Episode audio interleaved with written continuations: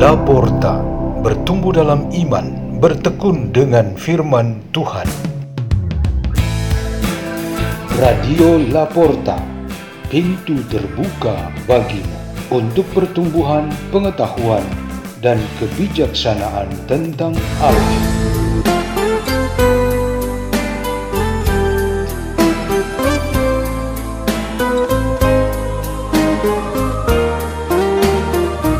Bacaan-bacaan dan renungan Sabda Tuhan Hari Minggu ketiga Prapaskah 12 Maret 2023 Dibawakan oleh Rini, Tirto, Hendri, dan Pater Peter SDB dari komunitas Pukat Labuan Bajo, Keuskupan Ruteng, Indonesia.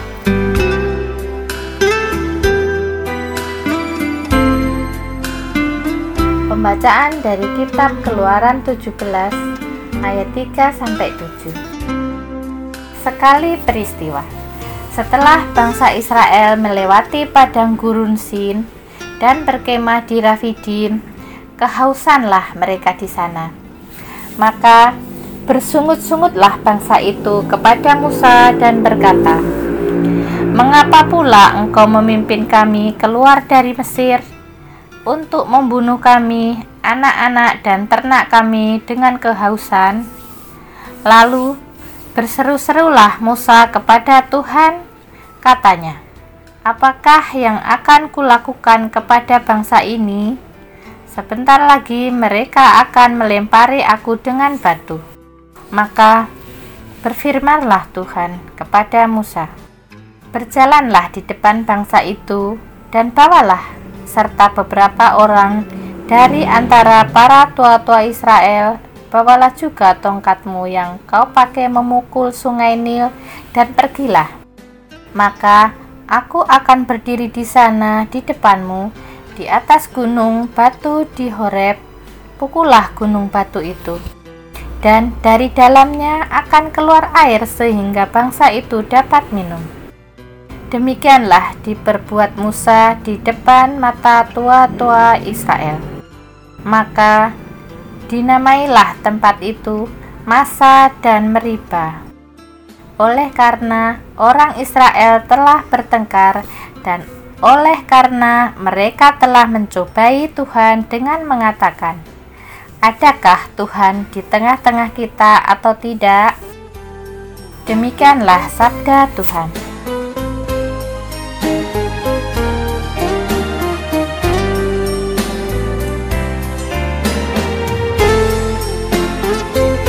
Pembacaan dari Surat Rasul Paulus kepada jemaat di Roma Bab 5 ayat 1 sampai 2, 5 sampai 8. Saudara-saudara, kita dibenarkan karena iman. Kita hidup dalam damai sejahtera dengan Allah. Oleh karena Tuhan kita Yesus Kristus.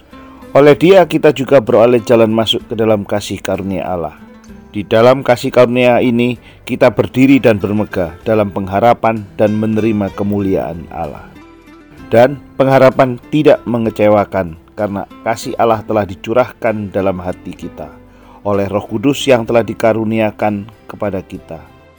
Karena waktu kita masih lemah, Kristus telah mati untuk kita, orang-orang durhaka.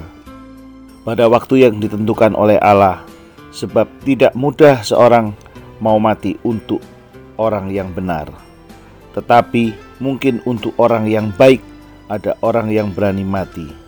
Tetapi Allah menunjukkan kasihnya kepada kita. Oleh karena Kristus telah mati untuk kita, kita masih berdosa. Demikianlah sabda Tuhan.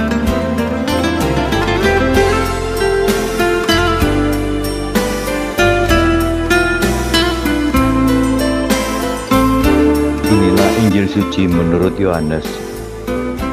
Sekali peristiwa sampailah Yesus ke sebuah kota di Samaria yang bernama Sikar, dekat tanah yang dahulu diberikan Yakub kepada anaknya Yusuf. Di situ terdapat sumur Yakub. Yesus sangat letih oleh perjalanan. Karena itu ia duduk di pinggir sumur itu. Hari kira-kira pukul 12, Maka datanglah seorang perempuan Samaria hendak menimba air. Kata Yesus kepadanya, "Berilah aku minum, sebab murid-murid Yesus telah pergi membeli makanan." Maka kata perempuan Samaria itu kepadanya, "Masakan engkau seorang Yahudi minta minum kepadaku seorang Samaria?" Maklum, orang Yahudi tidak bergaul dengan orang Samaria. Jawab Yesus kepadanya, Jikalau engkau tahu tentang karunia Allah dan siapa dia yang berkata kepadamu, berilah aku minum, niscaya engkau telah meminta kepadanya, dan ia telah memberikan kepadamu air hidup. Kata perempuan itu kepadanya, Tuhan, engkau tidak punya timba, dan sumur ini amat dalam. Dari manakah engkau memperoleh air hidup itu? Adakah engkau lebih besar daripada bapa kami Yakub yang memberikan sumur ini kepada kami. Dan ia sendiri telah minum dari dalamnya. Ia beserta anak-anak dan ternaknya. Jawab Yesus kepadanya barang siapa minum air ini ia akan haus lagi. Tetapi barang siapa minum air yang akan kuberikan kepadanya tidak akan haus untuk selama-lamanya. Sebaliknya air yang akan kuberikan kepadanya akan menjadi mata air di dalam dirinya, yang terus-menerus memancar sampai ke hidup yang kekal. Kata perempuan itu kepadanya, "Tuhan, berikanlah aku air itu, supaya aku tidak haus dan tidak usah datang lagi kemari untuk menimba." Setelah Yesus menyinggung masalah pribadi perempuan itu, perempuan itu berkata kepada Yesus, "Tuhan nyata sekarang padaku bahwa engkau seorang nabi, nenek moyang kami menyembah di atas gunung ini. Tetapi kamu katakan bahwa Yerusalemlah tempat orang menyembah. Kata Yesus kepadanya, Percayalah kepadaku, hai perempuan, saatnya akan tiba bahwa kamu akan menyembah Bapa, bukan di gunung ini dan bukan juga di Yerusalem. Kamu menyembah apa yang tidak kamu kenal, tetapi kami menyembah yang kami kenal, sebab keselamatan datang dari bangsa Yahudi. Tetapi saatnya akan datang dan sudah tiba sekarang, bahwa para penyembah yang benar akan menyembah Bapa dalam roh dan kebenaran, sebab Bapa menghendaki penyembah-penyembah yang demikian. Allah itu roh dan barang siapa menyembah dia, harus menyembahnya dalam roh dan kebenaran. Jawab perempuan itu, Aku tahu bahwa Mesias yang disebut juga Kristus akan datang. Apabila datang, ia akan memberikan segala sesuatu kepada kami. Kata Yesus kepadanya, Akulah dia yang sedang bercakap-cakap dengan engkau. Banyak orang Samaria dari kota itu telah menjadi percaya kepada Yesus karena perkataan perempuan itu dan ketika orang-orang Samaria itu sampai kepada Yesus, mereka meminta kepadanya supaya Yesus tinggal pada mereka. Dan Yesus pun tinggal di situ dua hari lamanya. Dan lebih banyak lagi orang datang menjadi percaya. Karena perkataan Yesus dan mereka berkata kepada perempuan itu, kami percaya tetapi bukan lagi karena apa yang kau katakan. Sebab kami sendiri telah mendengar dia dan kami tahu bahwa dialah benar-benar juru selamat dunia. Demikianlah sabda Tuhan.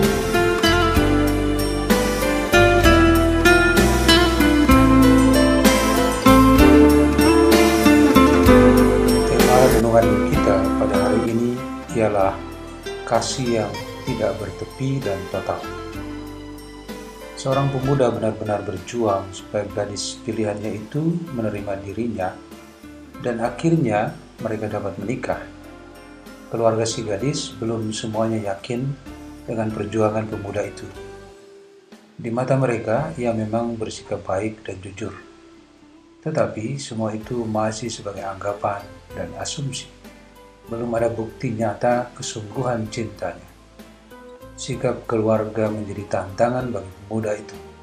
Lalu saat pernikahan itu datang, tidak ada halangan dalam semua proses dan acara pernikahan itu sendiri.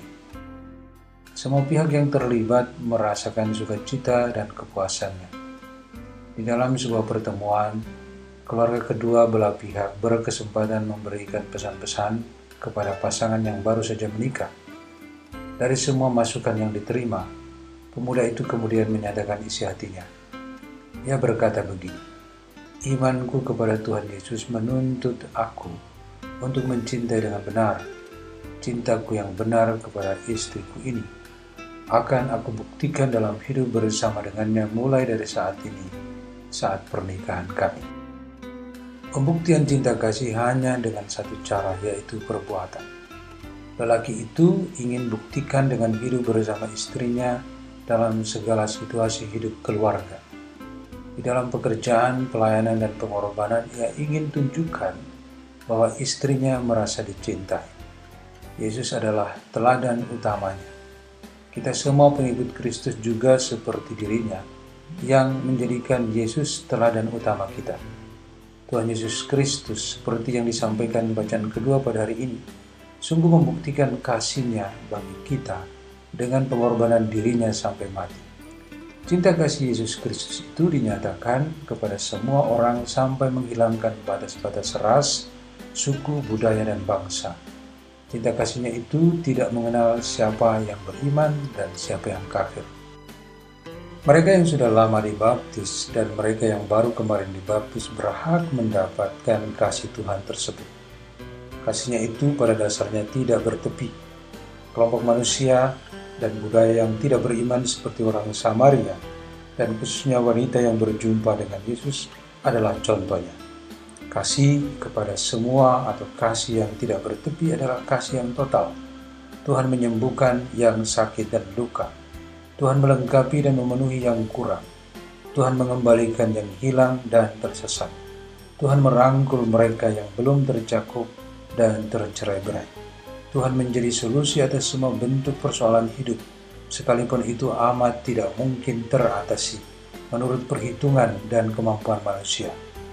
Tuhan mengisi air kehidupan ke dalam jiwa wanita Samaria dan jiwa semua orang lain di mana pun yang sedang kosong dan putus asa. Kita berhak menerima kasih Tuhan yang total. Marilah kita berdoa dalam nama Bapa dan Putra dan Roh Kudus. Amin. Ya Tuhan, penuhilah diri kami dengan kasih dan berkat karuniamu sehingga kami dapat menyiapkan diri dengan segenap hati untuk perayaan Paskah tahun ini. Dalam nama Bapa dan Putra dan Roh Kudus. Amin. Radio Laporta, pintu terbuka bagimu.